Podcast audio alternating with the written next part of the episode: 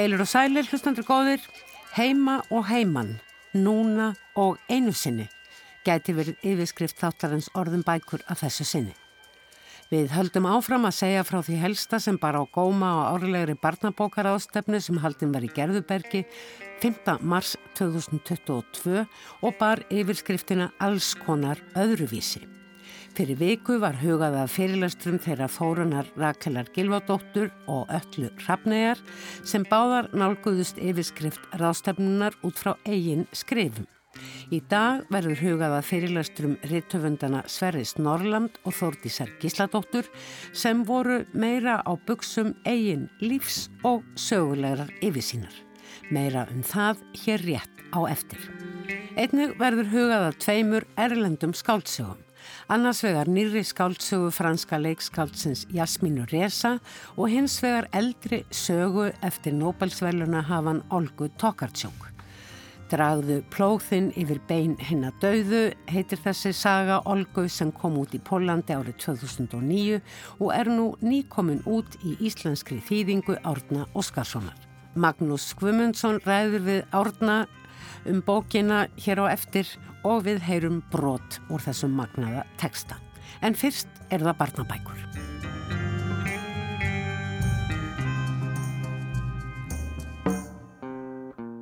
Laugadaginn 5. mars var haldin ráðstefna um barnabókmentir í Gerðubergi undir yfirskriftinni Allskonar öðruvísi. Fyrir viku heyrðum við í tveimur af fjórum fyrirlesurum ráðstefnunar, þeim Þórunni Rakel Gilvadóttur og öllu rafnei sem báðar lögð út frá eigin skrifum og hvernig þær hefðu í eigin sagnasköpun fyllt eftir alls konar öðruvísi í sínum eigin raunveruleika en þar fjalluðu líka um træguðuna sem stundun gerir vart við sig anspænis margbreytilegum raunveruleika og byrtingarformum hans. Nú er komið að síðari fyrirlesurunum tveimur sem voru Sverrir Norrland, reittöfundur þýðandi og útgefandi og Þórdís Gísladóttir, ljóðskáld og barnabókahöfundur. Við byrjum á Sverri. Það var þrengt sem Sverrir Norrland vildi leggja áherslu á í erendi sínu. Hinn fullkomna Karlmann í fyrsta lagi, það að kenna börnum aðferðir við að segja sögur og hans eigin bókaútgáfu AM forlags. Sverrir lagði sem sagt út frá eigin lífi verandi meðal annars fadur tvekja barna, stúlku og drengs og það var einmitt í tengslum við fæðingu drengsins að honum var ljóst að það væri skortur á karlkins fyrirmyndum. Ega síður gerðist það að dótturinn Alma vildi skindilega eftir að bróðurinn fættist vera strákur. Strákar mega allt var skýring hennar á því að nú væri hún ekki lengur Alma heldur Pér og sjóræningin. Sjálfur hafði Sverrir gengið meira og minna inn í tilvist dóttur sinnar þegar hann á sínum tíma hafði nánast öllum stundum ekki hugsað um annað en hana. Sem hann myndi á að ekki væri ólíkt því þegar Sigurur Pálsson skáld breyttist í huga sér í vendiskonuna Cordellier þegar hann vann að þýðingu dagbókar vendiskonu fyrir margt löngu. Svona lefum við okkur inn í bókmentinnar Við breytumst í annað fólk og svona lifum við okkur inn í barnauppbeldið. Við rennum saman við afkomendur okkar. Pér og sjóræningarstrákur klárar ballettíman í breyðholtinu. Hann situr mest út í horni en áraðir þó að gera nokkra hreyfingar í örugri fjallaði frá hópnum. Þegar við ökum heimleiðis segjumst við móður hans ætla að kaupa handunum nýjar buksur. Sjóræningarstráknum hefur í ævintýralegum siglingum sínum um útöfun sjö tekist að rýfa gat og hverja einustu skálm fataskápsins. Píró kemur okkur óvart með því að segja mér langar í bleik ballettföt. Kanski er strákatímalega ölmu bara tímabundin fasi, ég veit það ekki. Öfundsíki út í Baltasar litlabróður hennar sem henni finnst við baða upp á ást og hennar kostnað, gæti verið. En svo með að strákar reyndar klæðast bleikum ballettfötum. Baltasar er í bleikum sokkum og ég er bleikri jakkaskirtu. Strákar með að gera allt sem þið vilja, rétt eins og stelpur. Einmitt núna er Alma sjóraningastrákur í Reykjavík. Einu sinu var ég lítil stelpa með bleiu í Brúklinn Og einu sinni var Sigurður Pálsson, skálbróður minn heitinn, frönsk vændiskona sem fór með íslenska ferðamenn í skoðanaferðir um Costa del Sol. Ég veit ekki hverju við verðum á morgun, en ég lakkast til að koma að staði. Lífið er stöðug umbreyting og allt auðvitað mögulegt. Allar þessar ólíku tilvistir geta þvælst fyrir okkur í raunveruleikanum. En auðga raunveruleika okkar í sögum. Sögum sem við lesum og sögum sem við búum til. sem eru vikslverkandi aðtapnir. Ég held að það sé svo góð leið til þess að fá krakka til þess að hafa áhuga bókum er að fá þá til þess að virkja eigin hæfileika til þess að búa til sögur. Og þá fara þeir að fá áhuga á því að lesa meira og læra meira og að lesa náttúrulega sjálfsleit alveg eins og það að skrifa er sjálfsleit. Og þeim er fleiri sem segja sögur tala um okkur fallega, fallega tungumáli þeim er fjölbreyttari verða þeir auðvuslega Að búa til sögur, lesa sögur og dreifa sögum sem þegar hafa orðið til fælst reyndar allt í starfi Sverris sem reytöfundur, þýðandi og útgefandi bóka sem annars væru ekki aðgengilegar á íslensku hjá AM forlæginu hans. Þórdís Gísladóttir, ljóðskáld og söguhöfundur, bæði fyrir fullorna og börn, varpaði geysla sögunar á barnabókmyndir, höfunda þeirra og viðtakendur á öllum tímum. Eða eins og Hilmar Örn Óskarsson réttöfundur sem stýrðir ástefnunni orðaði það. Þórdís Gísladóttir, alls konar bækur fyrir alls konar fólk, að skrifa fyrir nútíma börn á ymsum aldrei. Í fyrirlesturinnum verður rætt um barnabókina sem bókmyndategund í sögulegu samingi fyrir hvaða fólk líkar bókmyndir voru og eru skrifaðar og sjónum verður beint að því hvernig höfundar barnabóka nútímans blanda saman malbyggsgráum raunveruleika og töfrum gætum æventýrum svo úrverða bókmyndir sem eru samtímis bæði speklar og glukkar. Þórtís byrjaði á herarkíu bókmyndana. Hvað eru merkilegar bókmyndir og hvað síður merkilegar? og sagði til margsum stöðu barnabókarinnar. Þegar fjallaður um fullorðinsverk höfunda sem skrifa jöfnum höndum fyrir börn og fullorðina eru barnabækurna stundum ekki nefnda sérstaklega og mjög grunar að margir veit ekki að veiti Skrimsdóttir og Einar Kárasson og Einar Mór Guðmusson til dæmis hafa líka skrifað fyrir börn. Barnabækur hafi gegnum tíðin að veri álitnar einhvers konar einfaldari bókmyndir eða hliðarspor höfunda ef þeir skrifa fyrir eldri lesendur líka. Barnabækur gefa mikilvægur upplýsingar um hvernig sínin á barnið hefur breyst í tímans rás. Þar getur verið áhugavert að skoða og lesa með sínina á barnið á rétunatímanum í huga. Börn voru lengi verðla til, þau voru bara svona lítið fullorði fólk og þess vegna voru barnabækur ekki heldur til. Íslendingasögurnar og aðra miðaldabókmyndur voru fyrir fólk á öllum aldri. Börn eru jáðarsett, þau standa í skugga fullorðina og börn hefur gegnum tíðina oft ímist verið demoniseruð eða sveipuð einhverjum svona krútt romantík. E, þeim er líkt við dýr, e, bæði jákvæður og neikvæður merkingu, þau eru svona svo vilt og ótamin og það þarf að ala þau upp. Samfélagsleira að staðruborði mannfjölda og möguleika barna til skólagöngu eru mikilvæga aðrið þegar barnabækur eru skoðaður. Ef ekki til staðar sæmilega stór hópur lesandi barna er ekki hagkvæmt að skrifa og gefa út barnabækur og við hér á örmálsvæði í útjöðri heimsins förum ekkit varhluta þessu eða fórum ekki. Við þurftum lengja reyða okkur á þýttar barnabækur sem var líka kannski allt í lagi en á Íslandi skrifiður í töfunda lengi vel ekki fyrir börn. Það var á 8. áratug síðustu aldar að bækur sérlega ætlaðu börnum tóku fyrir alvöru að verða til á Íslandi og hafa síðan verið ófrávíkjanlegur hluti íslenskra bókmynda.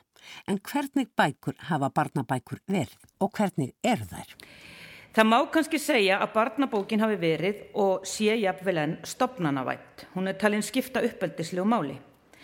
Með hjálp barnabóka hefur askilegri hegðun og svo kallum góðum gildum á borðið hreinlæti, yðjusemi, sannsögli og heiðarleika og, og allt þetta verið prentað inn hjá lesendum. Eh, barnabækur eru oft spyrtar saman við uppeldisfræði og það voru kennarar og aðrir sem letu sig uppeldi og lestrakenslu varða sem fyrst síndu áhuga barnabókun. Þessi uppeldisleg gildi sem áður fyrir voru algjörlega yfirgnafindi gerði það lengja verkum að barnabækur þóttu ofta ekkert sérlega skemmtilegar. Góðu heitli hefur þetta breyst, þótt enn sé stundum tekið fram í umfjöldunum barnabækur hversu fræðandi og uppbyggilegar þær eru og þá oft á kostnað hugleðinga, rínanda, umfrumleika og skáldskapargildi sem höfundarnir sjálfur vildu gætnan að gefum veri meiri gömur.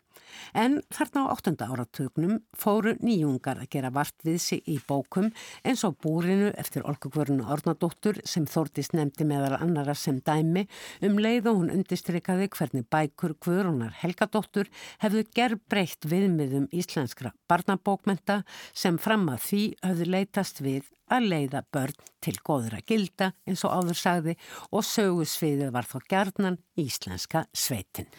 Á mínum tíma í, bók, í námi í bókmyndafræði, það voru svona postmodernísku tímanir, þá heyrðist oft gaggrínis rattir um þessar svo kvöldlu félagslega raunsæðisbókmyndir. Það voru til dæmis kallaðar vandamóla bókmyndir.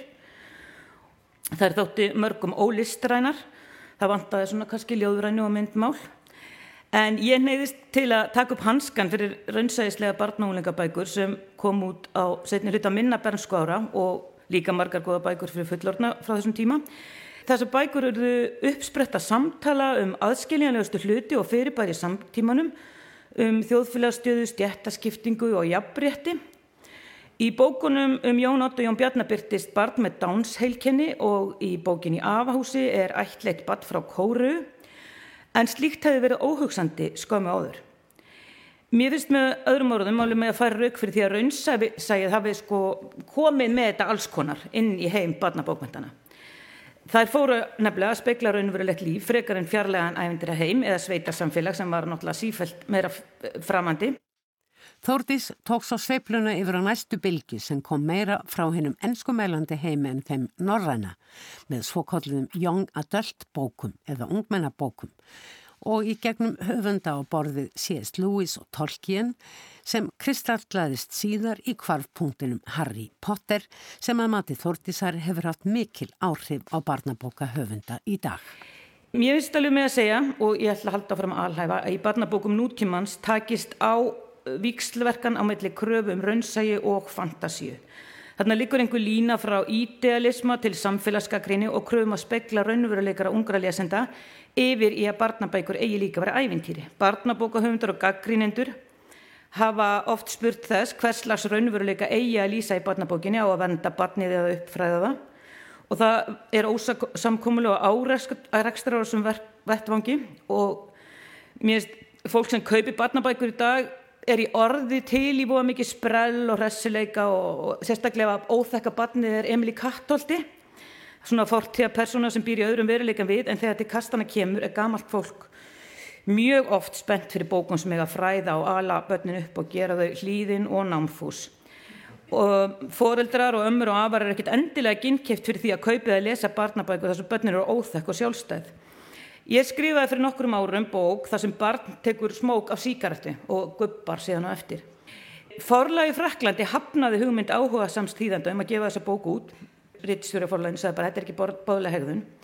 Og mér er þetta náttúrulega mjög fyndið mig til þess að ég var í nýbúin að dölja í mánuð í Fraklandi og mér síndist bara frakkar alltaf fór sér síkart í staðin fyrir hátteismat það var svona, svona stemmingin en þetta er auðvitað svona klemma sem við fullotna fólki lendum í þegar við stöndum í bókabúði og bókasafn og veltum fyrir okkur hvað við erum að velja fyrir börnin. Við viljum að barna bókapersonu tjá þessi fallega kannski með nokkrum framandi orðum sem börnin þurfa að læra og atbyrðum við hæfi. Það má vera svona smá óþögt og kvadvísi en við viljum ekki að ungi lesendu fá einhverja annarlegar hugmyndur og grillur og fara að stela á nammi barnum og kveika sér í síkarettum og hata náungan og bölva og ragna. Við vitum að það er einhver ósynileg lína hana milli barn og fullanisbóka þau ekki að læra blóta og ekki að heyra grímilösa ofbeldi eða óhaflegum dónaskap og þess vegna rítskoðum okkur og reynum að hafa kannski svolítið gaman og flytja gleðilegri tíðindi en raunverulega heimurinn geymir Stórforlögu grannlöndunum segist ekki geta gefið út of augrandi barnabækur, það seljist ekki. Það er búið að krúttvæða barnabóka heiminsóldi og þá að vera ró og friður. Annað sem ég hef heirt bókasapfræðingu að kennara nefna að þeim finnst uppalendur hafa svo mikla skoðanir á því hvað börnin er að lesa. Sumi vilja ekki að börnin lesi myndasögur, aðri vilja ekki að lesi fantasjur, sumi vilja ekki að lesa á einhverjum ákveðnum tungumálum og það sem er kannski stærsta vandamálið er, er að foreldrar og forraðamenn vilja að börni lesi það sem þau lásu.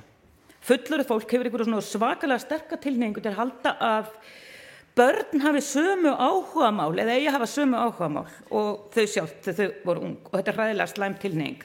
Börn eh, er ekki fullurð fólk en þau eru, þau eru eins og fullurð fólk að því leiti að þau eru bara ólík. Fyrir utan það að börn lifa öðrum tímum með fóröldrar þá er það bara þannig að Það sem eitt barn kann að meta kann bara annar barn alls ekki að meta og það verður hreinlega að leifa börnum bara alveg eins og fullornum að lesa það sem þau langar að lesa. Lestur er líðræðislega mikilvæg, við þurfum að geta skilið og tólkað, skrifaðan texta og mynda, te myndir og þess vegna verða börn að læra að lesa og æfa sér í lestri og að skoða myndmál en lestur er líka bara skemmtun og dagrættvöl. Venjulegt fólk er nefnilega alls konar og þar kem ég að þessu með speikla og klukka Mér finnst að bækur fyrir börn eigi að vera speiklar og glukkar. Þau eiga að geta speikla sig en þau eiga líka að geta séðun um glukkana hjá öðrum. Og þá er sjálfsögum mikilvægt að, að, að ólík sjónarhótt komið fram, fólk með ólíka skoðanir og ólíku bergi brotið, fólk sem er allskonar. Ég sjálf er með mjög mikið af fordómum, ég er alltaf að reyna að losa mig við þá, en ég hef ekki sérlega mikið áhuga á því að alla fólku. En mér finnst gaman að segja fólki sögur af svona alls konar fólki í ólíkum aðstæðum og mér finnst gaman að skemta því og það er oft ágætt að vera þá ekkit og viðiðandi. Þórtísi virðist nefnilega sem nú aftur hafi orðið sveia til kröfunar um fræðslu og uppeldi skildi barnabóka. Stundum finnst mér eins og barnabækur séu hlaðnar að einhverjum staðalmyndum. Það verðast ekki vera það svona við fyrstu sín en þegar maður kafar svona í þær þá finnst mér oft mikið svona stereotypum í nýlegum bókum og svo er annað, ég las bara eh, núna í vikunni um rannsókn sem sagði að í fjórum prósentum barnabók á Breitlandi eru personur sem eru dökkar á hörund og það eitthvað svipað er í gangi í sænskum barnabókmyndum og þetta er auðvitað mjög slæmt. Mér finnst mikilvægt að barnabækur og kannski allar bækur séu á einhvern nátt augrandi. Það er brjóti normin, vikjút heiminn, heimlesenda án þess að það séu kannski fræðandi svona í bókstæðlega merkingu en þetta er mjög fín lína og þó að bók fjallum eitthvað sem ætti að brjóta niður múra og auka þekkingu þá þarf hún ekkert að gera það. Bók sem á að vekja til ummygsunar og fræða getur alveg verið full af staðalmyndum og aðliða fordómum. Ég hugsa mjög oft um það, ég tilheyri forréttundahoppi, ég er eins nálagt miðaldra ríka kvíta kallmanninum og hættir að vera án þess að vera beinleins hann og stundu finnst mér, mér ég svona ásöldi hálum ís ef ég ætla að fara lýsa jæðarhópum Ég er rosalega ofalega í þessu feðraveldis hýrarki sjálf og mér finnst ekkit endilega að ég sé hæfi að lýsa jæðarhópum og ég vil ekki setja mig á háan hest gagvart einhverjum. En lestur er góð leið til að læra nýja hluti og setja sinni veruleika þeirra, þeirra sem lesendin þekkir ekki eða illa. Eh, við getum fengið okkar eigin hugmyndi staðfestar með því að lesa og speikla okkur sjálf en við getum líka kíkt inn um glugga hjá þeim sem eru ólíka okkur. Mér um, finnst barnabækur ekkit endilega þurfa að hafa einhver ákveðna merkingu eða gefa einhver skilabóð. Það eru þetta ákveðin þörfa bókum um svona mikilvæga málefni og fræðandi bækur og allt það. Og þær þurfa málfarslega og lestralega að henda ákveðnum hópum. Það er þörfa því að lýsa veruleika fólks í alls konar aðstæðum, börnum sem veika fóreldur og börnum sem sitt í hjólastól og transbörnum og börnum á ríkisfangs og börnum sem búa ekki hjá fóreldur sínum eða er ekki kjarnafjölskyldu og allt það. En mér finnst markmið samt alltaf eiga að vera personu sögun að fá bara að vera þær sjálfar taka sitt pláss á þess að þessu síndar sem eitthvað skona frávik eða meðvitað öðruvísi. Ég ger mig farum að hafa alls konar fólk í mínum bókum en fjall ekkert endilega um personuna sem slíkar. Þær eru bara þarna oft og, og skera sig kannski úr eða eitthvað smá öðruvísi. Þetta er flókið en ég reyna að passa mig á því að mína sögupersonu séu bara þær sjálfar. Þær séu alls konar en það sé ekkert verið að gera ómikið mál úr því alls konar er ven, venjulegt, er kannski skilabóðið mín ef ég er að senda ykkur skilabóð. E, barnabækur þurfa, finnst mér, að vera pínlítið fyndnar og mér finnst það alltaf þurfa að vera á tveimu plönum, svona tvíviðar. Fullornir verða að kunna að meta þær líka á einhverju marki, annars kaupa fullornir þær ekki og, eða nenni ekki að lesa þær með börnunum. Og það er verða að tala við börn á þeirra fósendum, þess að þurfa bækur að vera fjölbreyttar. E, þær þurfa að vera alls konar. Börn vilja þykka bækur og þunnar bækur og æfintýri og myndasögur og bækur sem gerist á malbygginu og bækur um fólki í sveitunum og bækur um útlendinga, bækur um blinda og sjóndabra og fólki hjólastöðlum og einstæðinga og stóra fjölskyldur og flótamenn og bækur um tölvuleiki, fjallgöngur og fordgripi og allt mögulegt annað. Og loka orð mín eru að okkur ber skilda til að gefa þeim allar þessar bækur. Sagði Þórtís Gísladóttir, réttöfundur meðal annars í erindi sína á barnabókaráðstefni í Gerðubergi 5. mars 2022. Hlustam á alla fyrirlestrana fjóra frá ráðstefninu á heimasíðu þáttarins.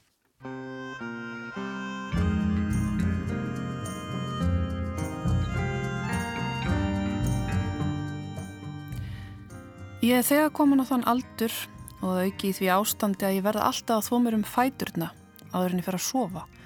Ef svo skildi fara ég er þið sótt í sjúkrabílum nóttina. Hefði ég skoðað stjórnualmanaki þetta kvöld til að gá hvað verið að gerast á himninum, hefði ég alls ekki farið að sofa. Þó stein sopnaði ég eftir að fengi mér humalseiði og tvær valerjönutöflur. Þegar ég var svo vakinu miðja nótt með höggum á dyrnar, ofsafengnum, tömlausum og því óheillavænlegum, átti ég því erfitt með að ranka við mér. Ég spratt upp og stóði rúmið, óstöðug, því að sveppdrykkin, veitbyður, líka minn, gata ekki tekið stökkið frá sakleysi sveppsins og inn í vöguna. Ég var máttfarinn að fóra að riða, eins og ég var að missa meðvitund. Því miður hefur þetta komið fyrir mig að undanförnu og tengist kvillu mínum. Ég varð að setjast niður og segja við sjálfa með mörgum sinnum. Ég er heima, það er nótt, einhver er að berja að dyrum. Fyrst þá tókst mér að róa töðarnar. Á meðan ég leitaði innuskónum í myrkrinu, heyrði ég að sá sem hafi barið gekk nú í kringum húsið, muldrandi. Niðri, í kompunu þar sem ramagsmælarni voru, kemdi ég piparúðan sem Dionítsi útvegaði mér vegna veiði þjófana og nú myndi ég eftir honum. Mér tókst að fálma eftir þessum kunnulega kalda brúsa í myrkrinu og með hanna vopni kveikti ég út í ljósið. Það marraði snjónum og inn á sjónasviðið kom nágrannu minn sem ég kalla Drömb. Hann hafði sveipað um sig gamla söðskinstaknum sem ég hafði stundum séðan klæðast við vinnu sína fyrir utan húsið. Ég sá röndóttar náttbúksurnar fyrir neðan stakkin og þunga gönguskona. Opnaðu, sagðan. Hann gauta augum á léreftiskjólinn með ódölinu undrun Ég sef í flík sem prófessorinn og kona hans ætluði að fleia í fyrrasumar og minnum á gamla tísku og æskudaga mína. Þannig samin að ég heit hagnýta og heit tilfinningarlega og gekk óbóðin inn. Klættu þig. Háfett er dáin. Þetta var upp af skálsugunar drag plókþinn yfir bein hinn að dauðu eftir pólska Nobelsverluna höfundin Olgu Tokarsjúk í þýðingu Árna Óskarssonar. Skáltsagan sem kom fyrst út á frummálun árið 2009 er fyrsta verk Olgu sem kemur út á íslenskri tungu en vonat ekki jafnframt svo síðasta því hún er að mörgum álitinn á meðal allra snjöllustu og bestu höfunda okkar tíma. Olga Tokarsjúk er fætt árið 1962 í bænum Sulecjov í vesturluta Pólans. Sálfræðingur að ment sem heitlaðist af kenningum Karls Jung um sameinlega vitund mannkins sem byrtist meðal annars í markbreytilegum arfi góðsagna, ævintýra og trúarbræða sem átti stóran þátt í því að hún sneri sér að bókmyndunum. Fyrsta bókannar, Ljóðabókin Borgir í spekli, kom út árið 1989 og í dag á hún að baki viðfemt og fjölbreytt höfundaverk með megin áherslu á skáldsögur með sögulegu ívafi. Þar sem sögur og menningar fyrirbæri sem hún sækir oftar en ekki í veröldina jæðarsettu í gegnum aldirnar, öðlast nýja áhrifaríka og jafnvel miðlaga merkingu í gegnum skáldagáfi hennar. Jakobs bækurnar, mögulega hennar þekktasta verk til þessa, tegið sig til að mynda yfir bæði aldir og landamæri í heillandi ættarsögu gýðinga í mið- og austur-Európu eru einmitt ágætti stæmi um þessa nálgun, þar sem hefði jaðarsetta verið miðlagt og mikilvægt í meðförum Olgu Tókarsjúk. Og þannig er það líka í skáltsegunni drag plókþinn yfir bein hinn að dauðu. Aðalpersonan og sögumæðurinn Janina Dusjekko er mentuð eldri kona sem býr bókstaflega á jæðri samfélagsins. Á einhvers konar sömarúsa svæði utan við líti þorp í Pólandi í nákvæmni við teknisku landamærin. Þar lifur hún fábrotnu lífi umkringt skólendi og viltri náttúru og leitast við að lifa í samræmi við alheimin. Og það verður að segjast eins og er að Janina Dusjekko er einhver magnaðasta bókmyndapersona og skemmtilegasti en jafnframt böll sínasti og bálreiðasti sögumadur sem hefur sprottið fram á síðum bókmyndana um langa hríð. Hún er um margt ný og fesk rött sem aðalpersona og sögumadur en á sama tíma á veröldhennar og hugmyndafræði djúbstæða rætur í veröld heimsbókmyndana. En svo þýðandi bókarinnar Árni Óskarsson sað okkur frá í stuttu spjalli um þessa mögnuðu bók sem hefur verið skilgreint sem bókmentaleg morgáta. Árni, Þessi skálsaga drag plógþinn yfir bein hinn að dauðu. Þetta er hádramatískur titill og, og gæti jafnvel virkað fráhrindandi. En hvað getur þú sagt mér af þessum titli og þessum höfundi? Já, titillin mun vera komin úr, úr hérna, skálskap Williams Blake og William Blake er svona, andi hans svífudóldi mikið hann yfir vötnum í þessari sögu og, um, og já, hann er svolítið svakalegur þessi titill og það er líka svakalegur hluti sem er sagt frá þannig í þessari bók. En, en enga síður er uh, mikill húmor og, og, og líf orka svona í, í þessari skálsögu og þarna er einstök hvern aðalpersona sem segir frá. Já, hún er mjög eftirminnileg þessi sögumadur. Hún er sem sagt svona kona sem er komin fram með miðan aldur og, og uh, á við, er, á við svona ímis veikinda stríða er, er komin svolítið svona út í kant í samfélaginu og hún greinilega bæði líkamlega og, og andlega vanheila sem byrtist kannski eins og til dæmis í því að hún sér uh, framliði fólk og, og uh, hún er svona litin hotnu og það kemur glögt fram að ímsil mm, líti á hana bara sem ég mann ekki hvernig það var orðað kólvittlusan kvennmann eða eitthvað eitthvað eða þá veru og, eh, og hún er sem sagt eh, en hún hefur mjög eh, sterkar skoðanir og svona hugmyndir um lífið og tilveruna og, og, og hérna lifir þarna út í já, svona afskekt út í skógi upp í fjöllum og hún hefur mjög sterkar svona tauga til dýra og það svona sammennar hana einmitt hugarheimi Williams Blakes. Og allar, allir, text, allir kaplarnir byrja á tilvutnun í William Blake.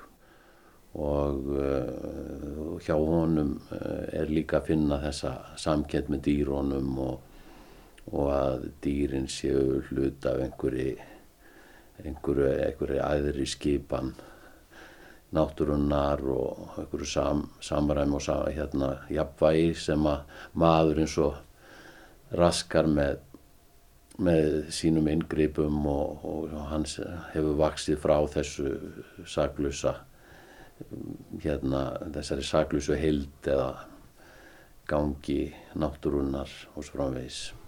Og hún er líka, tengir þetta við gang heimintunglana að við höfum í sjálf og sér lítið um það að segja hvernig manneskjur við verðum og hvað við gerum. Já, einmitt.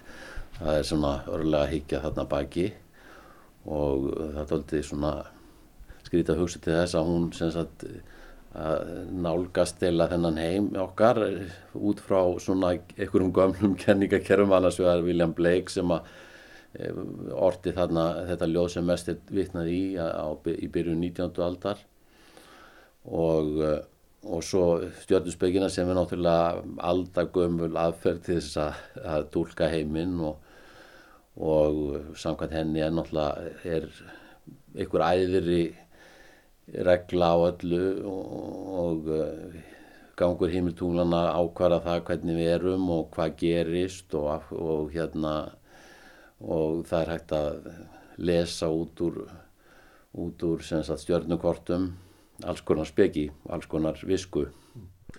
Og þessar gömlu kennisetningar og skálskapur, eh, þetta er dálítið merkilegt hvað þetta hljómar stert við samtíma okkar, veganisma, hugmyndur okkar um dýravelferð, náttúruvend, eh, loftlagsmál og svo framvegis. Já, það er þetta einmitt svona eins og kemur fram hjá Bleik að hann, hann hérna talar um þessa íllu meðferð á dýrum til dæmis og, og hérna að það sé einhvers konar uh, glæpur gegn sköpunarverkinu og, og, uh, og sem að mönnum mun hefnast fyrir og þannig er þetta náttúrulega í heiminum í dag.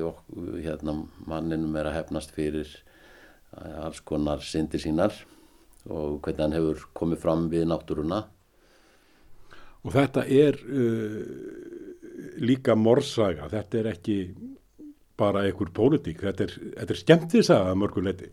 Já, já, þetta er svona glæpasaga og það eru framinn þarna dula full morð.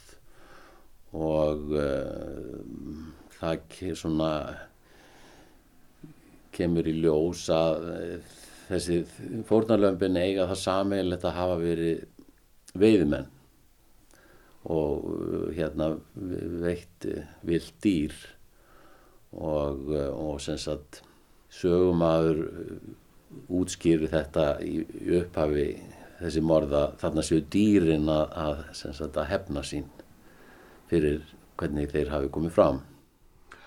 Og einmitt hugarheimur uh, þessar sögumanns, þessar konu Jannína er mjög merkilegur og hennar tungumál líka og er það, finnst, er það ekki nokkuð leta af því að Olga kemur fram sem uh, ljóðskátt og er mjög svona hennar texti oft hansi letaður af því? Jú, lýsingar oft mjög svona ljóðrænar og, og hérna það er mikil svona samkend með náttúrunni og, og hérna árstíðunum og, og uh, þannig að svona yfirbræðið af frásögnin er mjög svona ljóðrænt í aðra röndina. Og hún notar líka uh, hluti eins og notar stóran staf á nafnor sem að skipta henni máli. Er henni hjartfólkin eða mikilvæg á eitthvað ná. Já, það er svona hluti af þessu sérviskulega blæ sem er á frásögninni, hún, hún er mjög svona sérstakur sögumar og þetta er hluti af því að, einmitt að, að dýr til dæmis, þú nefnir einhver dýr, hunda, ketti, það, það, þá, þá er það með stórun staf og hérna.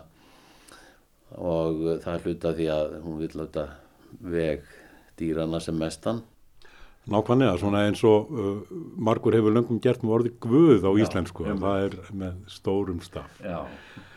En svo, svo kemur uh, maður með þetta inn í Íslands samfélag, þessi, þessi skálsað er kemur frá Pólandi og uh, gerist á landamærunum í Tjekkland. Uh, aðal sögupersonar sér allt, að það er allt betra að hinum meginn við fjallgarðin, það sem að Tjekkland byrjar. Það er sól, það er söður, það er grænt Uh, er þetta ekki nokkuð kunnulegt stef svona hjá þeim sem eru að berjast á móti vindinum og það er grasið að græna hinnum megin? Jú, jú, þetta er nú svolítið svona fyndir hérna þegar hún er að tala um hvað allt sé betra hinnum megin, það er, það er svolítið, er svolítið íkt sko að hérna, menn sé að tungumálið er einhvern veginn svona blíðara í Tjekklandi og, og svona þannig að Jú, jú, það, það er það. En hérna höfundur er líka svona mikið á móti landamærum. Hún, hún, henni finnst að fólk eigi að geta ferðast á millisvæða á þess að vera fara yfir einhver landamæri og þau eru bara til þess að skerða frelsi fólks. Og aðal personan einmitt gerir það sér til skemmtunar að fara fram og tilbaka yfir landamærin. Já, fær eitthvað svona kikk út úr því Og finnst þér uh, þessi saga eiga erindin í Íslands samfélag og, og til okkar íslenska lesenda? Já, já, já, mér finnst það all. Þetta er bara, þannig er verið náttúrulega fjallam spurningar sem að brenna á öllum jarðarbúum og hérna í sambandi við umgengni við náttúruna og svo framvegis og, og svona líka svona ábeldismenningu það er eh, til dæmis eh, mjög sterkur kabli þarna eh, það sem hún er að, að fjallum kirkjuna, hvernig kirkjan hef, hérna hefur farið að, að hérna, samþykja þessa veiði mennsku og, og ofbeldi styrkun jábel í nafni einhver stýrlings. Þannig að kirkjan þarna greinlega á villigötum finnst henni Og það er svo sannarlega ekki einungis kirkjan sem er á villugötum, samkvæmt sögumanni. E, flest fólk er almennt í vandraða og þó sérstaklega eldri karlmenn, eða eins og hún segir sjálf frá þegar skamt er liðið á söguna. Það er erfitt að tala við sumt fólk, sérstaklega karlmenn. Ég er með kenningu um það. Með aldrinum fá margir karlmenn testósterón engverfi sem lýsir sér í því að smá saman rakar félagsgreind og getu til samskipta við fólk. Auk þess sem þeir eiga erfiðara með að tjá hugsunni sínar. Maður sem þjáist af þessum kvilla verður fámall og verðist niðursokkin í eigin hugsanir. Hann þróa með sér áhuga á ímiskunar tólum og tækjum og hann laðast að síðar í heimsturjöldinni og æfisögum frægra manna, engum stjórnmálamanna og skálka. Hann hættir næstum alveg að geta lesið skáldsögur, testosteron einhverfa, trublar sálarskilning einstaklingsins.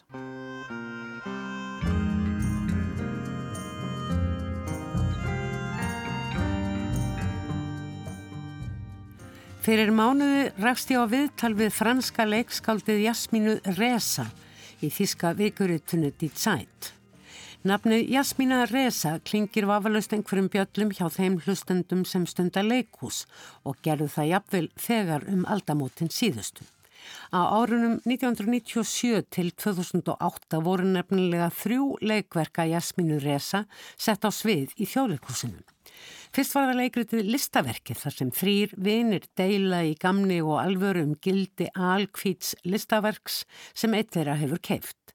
Vinirnir voru leiknir af helstu Karlstjörnum íslensks leikhús á þessum tíma, þeim Baltasar Kormáki, Yngvari E. Sigursin og Hilmiðsna Guðnarsinni sem fóru svo aftur með þessi sömu hlutverk þegar að verki var sett aftur á svið 14 árum síðar. Segja má að þessi endur uppfærsla hafi verið í anda aðal viðfangsefnis verka Jasmínu á þessum tíma sem var einmitt tíminn. Og næsta verk eftir hana sem rataði á Íslands leiksvið var verkið Lífið þrísasinnum. Þar er sögð saga af kaffibóði og atbyrðar á sinn rakin með þrennum hætti eftir því hvenar parið sem bóðið var til samsætisins mætir heim til parsins sem heldur bóðið þrjú ólík tilbreyðu um framgang kaffibóðs út frá því hvort gestirnir mæta á réttum tíma of snemma eða of seint. Árið 2008 var svo leikriti Vígagvöðin eftir Jasmínu sett á svið. Allar þessar síningar fengu mjög góða dóma ekki síst fyrir hárbeitt háðið í jafnvægisgöngu tekstans á milli hins tragíska og komiska þess sem er absúrt og um leið svo raunsægislegt að hver steitnin á fætur öðrum leggst þægilega í göngugötu þess að hugsa aðeins öðruvísi, skoða lífið og tilveruna út frá óvæntu sjónarhortni. Ég sá á sínum tíma tvær af þessum síningum og auðvitað þær mér mjög eftirminnilegar. Ég gerði mér hins vegar ekki grein fyrir því að Jasmína Reza sem er leikkonaða ment hefur frá upphafi einnig skrifað skáltsögur sem vakið hafa umtal og aðtikli ekki síst svo nýjasta sem ber nafn einnar af söguhetjunum og heitir Serge bæði í fransku frumútgáfunu sem kom út fyrir ári og í þísku þýðingunni sem nýlega kom út og ég var mér útum eftir að hafa lesið viðtal hins virtagagrínanda Írisar Radic í Dýtsæt við Jaspínu. Í viðtælinu lýsir Jasmína sem sjálf er af geðingaættum yfir evasemdum um að öll minnismerkinum hryllingsverk nazismans útiloki endurtekningu. Það að minnast gera okkur ekki að betri manneskum, segir hún. Pósur opimbera aðdafna uppfullar á degð og samúð sem almenningur síðan endurtekur út til loki miklu fremur næmið til að skinja endurtekningarnar þegar þar eiga sér stað og hindra þannig hugsun og andmæli. Jasmína viðurkennur þó fóstlega að málið sé ekki einfalt, sérstaklega í Þískalandi og tilraunir þjóðverja til að yðrast og bæta fyrir voðaverkin sem framinn voru í þriðaríkinu séu virðingarverðar. Hvort slíkt þjóni hins vegar tilgangi til framtíðar sé annur saga. Það er trúa mín að ræktun sagtar sem menningalegs fyrirbæris sé tilgangslös. Engir þeirra sem að nú lifa eiga sök á því sem að gerðist. Sannminning er tilfinningaleg, subjektív, ekki kennslefræðileg. Í staðis að klifa á því að ekki megi gleima er réttar að segja gerð þeir ljóst hvað gerðist, hugsaðu um það. Til þess er ekki nóg að setja upp skildi eða gera ákveðin stað að ferðmannastað. Siðferðislegt ákall sem ætlað er að stitta langt og sársökafullt lærdómsferðli er einskisvirði. Þetta eru stór orð en umhugsunarverð. Ekki síst á tímum mikillar umræðu um ofbeldi, gerendur og þólendur, sekt og fyrirgefningu sem við svo mörg afgreðum með því að setja tjáknið umhyggja, leiður, reyður við færslu og samfélagsmiðlum. Að pósa rétt og halda síðan áfram til aðkallandi verka. Kanski er þetta ekki sambærilegt, ég veit þar hennilega ekki, en umhugsunarvert er það. Þá leiða stríðsáttöku í Úkrænu óneitanlega hugana því hversu sterk tök fortíðin, sagan, hefur á allri atbyrðarás í heimi hér. Skáltsagan Serge eftir Jasmínu Reza fjallar þó kvorki um ofbeldi í nánum samskiptum einstaklinga, nýje heimsöguleg átökmilli þjóða heldur um venjulegt fólk sem lifir hér og nú í hinnum vestræna heimi í sínum litlu veruleikum sem oft reynast fangið fullt.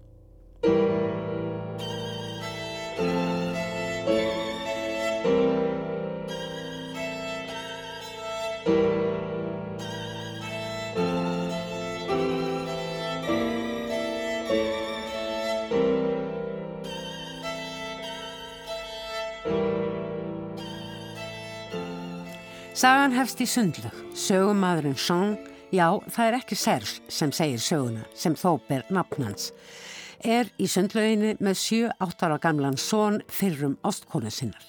Drengurinn er líklega misþorska en Jean hefur tekið ástfóstri við hann og heldur þess vegna sambandi við ítalska móður hans og nú vill hann kenna drengnum að synda. Drengurinn hlýðir fyrirmælunum, beigja, kreppa og rétta, snögt út til hlýðana og svo saman en hann fyllir ekki út í hreyfingarnar með hugsun og vöðvaafli, heldur pósar. Gerir það sem á að gera.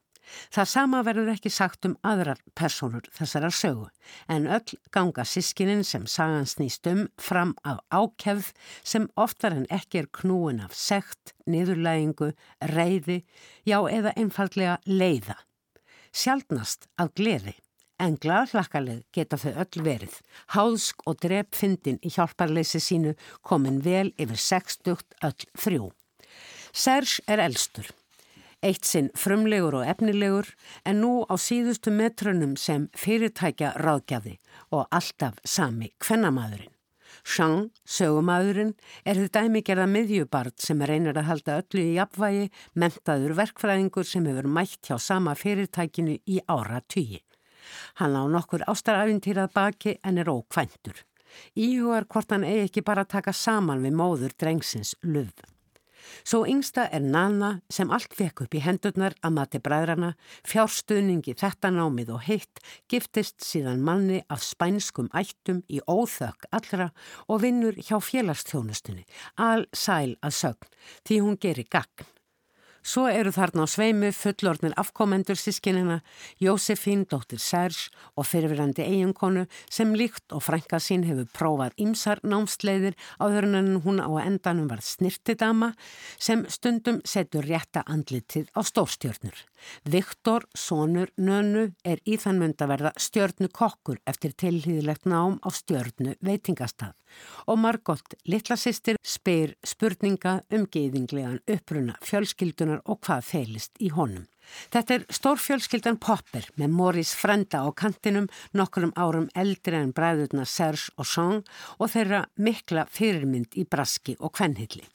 Um leið og ég segi þetta virkar þessi litli flokkur fremur rislítill og það er hann í raun.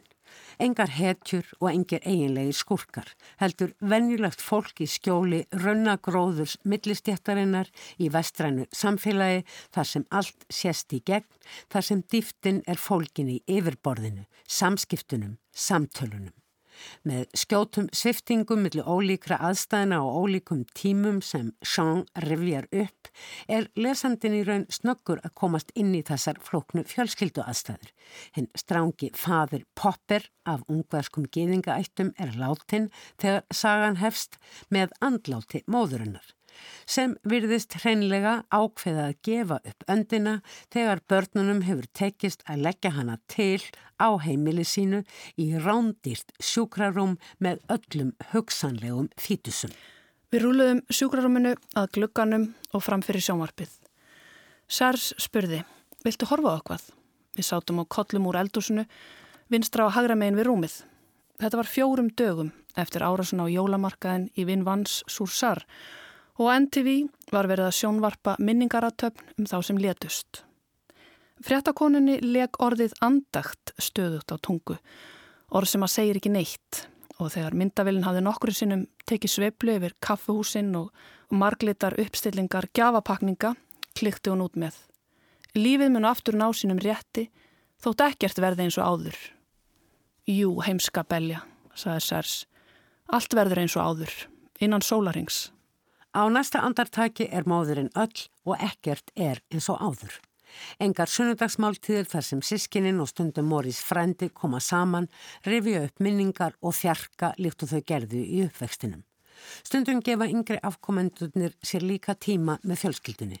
Kanski fyrir forveitnisakir, hvaðan kem ég, afinn og amman sem nú eru horfin komu jú til Parísar allslaus í lok stríðsins mikla, komundur sér borgarlegum stjættafótum en sjaldan er minnst á líf þeirra eða fjölskyldna þeirra í Ungverðarlandi eða Vínarborg. Engun vegin er þó vitað að hluti að fjölskyldu föðurins hafi tekist að komast til Ameríku, aðrir höfðu verið fluttir burt Móður fjölskyldan á svipaðasögu og er heldur aldrei um það rætt. En það er rifist hástöfum um Ísrael sem fadrin notaði sem lok til að setja ofan á hérna eiginlegu sögu um tróna og dáið fólk, eins og Sján kemst að orði. Móðurinn hins var sem afnættaði því algerlega að vera fornarlamp eins eðan eins, þóldi ekki þetta ríki geðinga sem hún saði þjóna þeim tilgangi einum að vera óafmáanlegt ör fyrir augum heimsbyggðarinnar. Nú þegar ættar foreldrarnir í Frakland er ekki lengur, stingur sminkan Jósefín, dóttir Serge, upp á því að fjölskyldan fari öll saman til Ásvits sem þau og gera með vorinu. Fyrst þarf Serge að leita sér helsubótar samkvæmt læknisráði eða er hún alls ekki læknir þessi helsuráðgeði sem hann sendir tvíræð skilabóð úr hinum símanum sínum. Valentína, nýjasta ástkonan sem hann hefur flutt inn til, kemst að þessum skilabóðum og hendur honum út með ferðartösku og hálfullan íkega póka með öðru dóti. Hann má sækja pókan í ruslageimsluna en fljótt, sorpið er hyrt reglulega. Áður en allt þetta gerist tekst Serge hins vegar með fagurgala og montraupi að samfæra yfirkokkin á besta veitingastannum í svistnaska heilsuþorpinu um að ráða sýstursónun Viktor sem er í þann mund að ljúka sínu kokkanámi í vinnu um sömarið. Það verði sérdelis fint á ferilskráni Gamli fyrirtækja raup ráðgjafin ætla sér að vinna sér einn nokkur prigg. Þannig hefur hann samlaði gegnum lífið, hér eitt prigg og þar eitt prigg, greiði gegn greiða og hefur honum augljóslega gengið nokkuð vel í þessu braski. Greiði með sýstursónin gengur þó ekki upp, Viktor afþakkar djópið enda launalös praktikum staða í bóði. Hann ætlar sjálfur að opna stað, Viktor gengdarlust vanþakklæti og fyrirhyggjuleysi að mati Serge sem vil vera beðin afsökunar. Sistirinn, Nana, móður Viktors, fylgir sininum á málum og þar með skilur millir þeirra tvekja, þau talast ekki við nema í gegnum sjón það sem eftir lifir sögunar. Þar sem eldri ættmenni og fjölskylduvinir smám saman tína tölunni. Dauðin heimtar sína. En svo kannski að heyra má rýður banalítetið ekki við einteiming í þessari skáldsögu Jasmínu Resa um svo venjulegt fólk að keppast við að finna sér markmið og tilgang í lífinu en sem gleymir og mann eftir hendurleikum, hjálpar og þykkur hjálp eftir hendurleikum, allt eftir því hvað gefur best og svo er rifist og kýtt um hvað sem er til að breyða yfir varnarleysið. En nú skal haldið til ásvits. Við göngum eftir vegi sem er liggur til einskis. Við skoðum rústir, í angan vorsins, ógeðslega rústir, sem reynt hefur verið að jafna við jörðu. Engin draugur fylgir okkur. Fyrir framann okkur röltir hópur fólks. Við röltum eins og aðrir, hér er engin sameinleg hrinjandi viðegandi. Sers nefnur staðar og kveikir sér í síkartu. Hann snýr sér undan til að fá skjól fyrir vindinum. Þetta eru rústir. Það sem að dýnamítið frá gasklefunum og opnunum skildi eftir er líklega búið að spröyta með ílgresiseiði.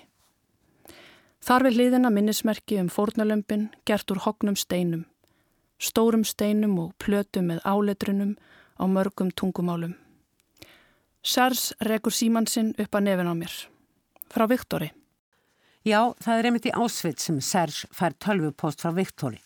Þar sem hann útskýrir hvers vegna hann þykki ekki djobbið í Sviss og að hann yfir höfu þurfi ekki óum beðið á aðstóð frenda síns að halda. Fjölskyldu vilja hann hins vegar gerðman eiga. Serge frendi er ekki ánaður og svo miðbróðir reynir að vanda að milda. Þessi skýta karakter, segir Serge. Hann er ungur. Þetta smámenni og skýta karakter. Hann á eftir hann á áttum. Og orðavalið, hrókin að drepa hann. Þessi kúkalabbi rétt skriðin út úr skóla. Ramos að þetta líka til. Vill gjarnan eiga fjölskyldu, segir hann. Hver þarf að fjölskylda halda? Geti allt. Eins og pappin. Hvað eru við eiginlega að gera hérna? Komdu sján, við förum. Öll þessi minnismerki sem eiga að tala til alls mannkins, ekkert nema haugur á gigantísku grjóti. Ég fað mann að mér. Þegar höfuð hans nefnur við mitt, muldrar hann. Ég hata þetta, hata þetta allt saman. Byrtan er svo falleg að baki okkur er trjágróður, bleikir, geyslar, falla á milli trjágreinana á múrvekkina og friðsæla varturna. Í bók Svetlinu Aleksevits, Tjernobilbænin, fljúa fugglar yfir dauðasvæðinu og heiminin var djúblár. Nana og Joe eru búin að ná okkur. Ég segi, er ekki komið gott, ef ekki fara? Ó nei, segir Jósefín, við verðum að skoða gufubaðið. Hvað er þetta gufubaðið, spyr Sers. Móttöku og sótreinsunarbyggingin. Ekki fyrir mig. Nana reyðist. Þú vildir ekki fara inn í gasklefan, ekki skoða gýðinga brautarpallin. Það var þér fyrirmunað að stíga fætin í ungversku síninguna og nú gufubæðið. Ef þú bara einu sinni geti látið svo lítið og horti verið barminn á súpurskál þíns eigin litla lífs og verið með í hópnum, fyrir dóttur þína að minnstakosti. Ég reyna að róa hana með því að strjúka henni yfir aukslina en það æsir hana bara enn frekar Og kýtingarnar um hverstagslífið halda áfram um leið og lesandin íhugar æmeir hvaða lærdom söguheitjurnar megi draga af því að ferðast til staðar þar sem þúsundir mættu hryllilegum döðdaga og voru sumir meira að segja ættingjar þeirra sem hér karpa. Tilfinningar þessara eftirlifinda anspænir sögunin þar sem hefð óumflíjanlega, það er að segja döðin, sem þau auðvita öll óttast, varð svo grimmilega óréttlátur, eru ger ólíkar ymbirðis og tengjast aðstæðum hvers og eins, einmitt núna og líklega alls ekki þeirri sögu sem þau eru komin til að einbyrða og skildi gera þau að betri manneskjum. Eru minnismerki ekki til þess fallin að vera samfélagsleg viðvörun til framtíðar? Þeirri spurningu svarar Jasmína Reza neytandi í viðtælinu við D-Tide sem áður var veitna til. Í skáltsögunni Serge diffkar hún þessa afstöðu í völundarhúsi yfir borsins hvernig personulegar tilfinningar, þið daglega amstur sem æfinlega nær yfirhöndinni í lífinu, slæfi næmi okkar til að skinja hættumerki endutekningar sögunar hér og nú. Fleiri verða orðum bækur ekki að þessu sinni. Tæknimaður í þessum þætti var Georg Magnússon. Takk fyrir að hlusta, verði sæl.